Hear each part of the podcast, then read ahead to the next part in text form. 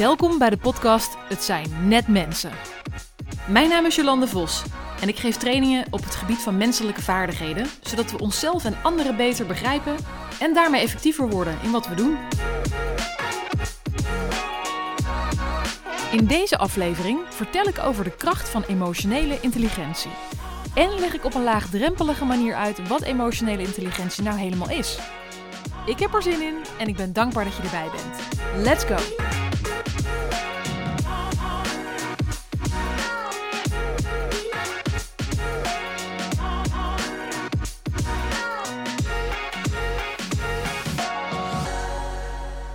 Iedereen heeft emoties. Dat is gewoon een feit. Dat is onderdeel van ons mens zijn. En of je je nou realiseert of niet, ja, emoties beïnvloeden ons elke dag. Ze hebben impact op de mensen om ons heen, zowel op het werk als in ons persoonlijke leven. En dat heeft me altijd al gefascineerd. Um, ik weet niet hoe het voor jou is, maar ik ben destijds mijn werkzame carrière ingerold met de overtuiging dat je je emoties bij de deur moest achterlaten zodra je het kantoor binnenstapte. Dat vond ik sowieso enorm ingewikkeld, want zo werkte het bij mij niet van binnen. Uh, maar emoties hoorden niet thuis op de werkvloer. En des te meer was mijn interesse dus gewekt toen ik in de afgelopen jaren op LinkedIn een paar artikelen voorbij zag komen over emotionele intelligentie van uh, onder andere Harvard Business Review en uh, World Economic Forum. En ik, en ik bleef in de afgelopen jaren die artikelen voorbij komen en dat greep me echt even. Dat emotionele intelligentie. En misschien heb jij ook wel eens eerder gelezen over de term emotionele intelligentie. Um, maar stel dat ik jou op een verjaardag zou vragen om uit te leggen wat emotionele intelligentie is. Zou je dat dan ook kunnen? Dat is best lastig, hè? En ik denk om echt te begrijpen wat emotionele intelligentie is, dat we eerst onszelf de vraag moeten stellen: welke impact hebben emoties op mij? Nou, waarschijnlijk kom je dan tot de conclusie dat onze emoties invloed hebben op een paar dingen. Namelijk je vermogen om goede beslissingen te nemen op je gedrag. En het heeft invloed op hoe je presteert of hoe je performance is. Nou, laat ik eens even beginnen bij die eerste die ik noemde. Hè? Dus de impact van emoties op ons denken en op ons vermogen om beslissingen te nemen. Uh, ik ga even kijken of ik een voorbeeld kan geven. Ah ja, stel je staat op het punt om, om salarisverhoging te vragen, maar je ziet dat je leidinggevende in een slechte bui is. Ga je dan nog steeds in dat moment om salarisverhoging vragen? Of wacht je tot je leidinggevende in een beter humeur is. Je voelt waarschijnlijk aan dat de kans hoger is dat je leidinggevende ja zegt op je verzoek als hij in een beter humeur is. Nou, dat is een, denk ik een heel goed voorbeeld van hoe emoties ook daadwerkelijk invloed hebben op onze beslissingen en op ons denken. want we voelen aan, nu is niet een goed moment. Ik zei ook dat emoties impact hebben op ons gedrag. Nou, en wat bedoel ik dan daarmee?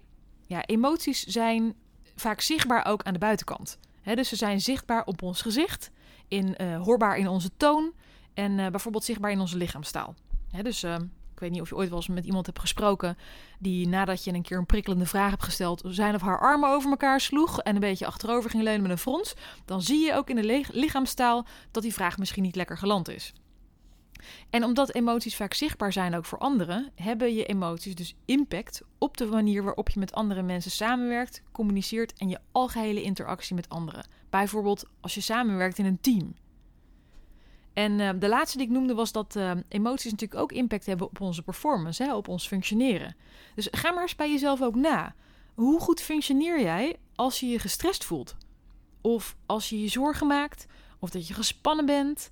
Of uh, als je je heel erg moe voelt. Nou, en uit heel veel verschillende onderzoeken blijkt ook dat je waarschijnlijk beduidend slechter functioneert of presteert als je die negatieve emoties ervaart.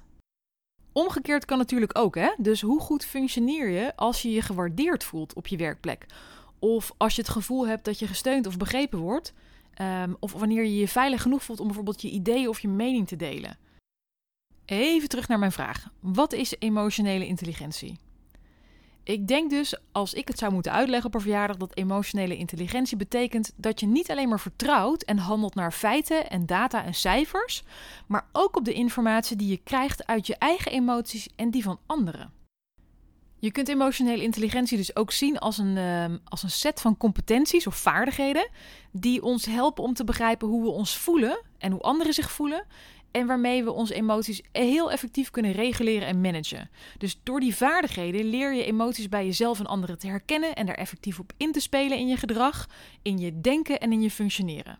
Nou, en in de volgende podcast ga ik je meer vertellen over de zes belangrijkste competenties van emotionele intelligentie en wat je dus praktisch gezien kunt doen om die competenties te ontwikkelen.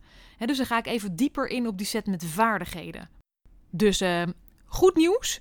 Emotionele intelligentie kun je gewoon leren. Dus je hebt geen excuus meer om te zeggen: ja, ik ben nou eenmaal niet zo emotioneel intelligent. Dat is gewoon een vaardigheid, kun je gewoon leren en oefenen en kun je verder ontwikkelen. Ik zeg overigens niet dat het altijd makkelijk is, maar dat is weer een ander verhaal. Iedereen heeft dus emotionele intelligentie en het verschilt even de mate waarin je dat dus ook daadwerkelijk demonstreert, dus laat zien. Even kijken. Volgens mij hebben we nu redelijk helder wat emotionele intelligentie is. En dat het dus impact heeft op ons gedrag, op onze prestaties en de wijze waarop we denken en beslissingen nemen. En ik hoop dat je nu op een verjaardag, als jou ooit de vraag wordt gesteld wat emotionele intelligentie nou eigenlijk is, dat je dat een beetje uit kunt leggen. Wat ik volgens mij nog niet heb gedaan, is samen eens even kijken waarom is het nou eigenlijk belangrijk om bezig te zijn met emotionele intelligentie. Hè? Dus met andere woorden, ja, wat is dan eigenlijk de kracht van emotionele intelligentie en waarom zou ik me er überhaupt druk over moeten maken? Daar heb ik wel een heel mooi, uh, heel actueel voorbeeld van. Namelijk in 2021 zagen we in één keer in Amerika een trend ontstaan, namelijk the Great Resignation, wat zoveel wil zeggen als het grote ontslag. Miljoenen Amerikanen die hebben in 2021 hun baan opgezegd. En dat deden ze niet om thuis de bank te gaan zitten hangen, maar omdat ze ergens anders een baan konden krijgen met betere omstandigheden en betere arbeidsvoorwaarden.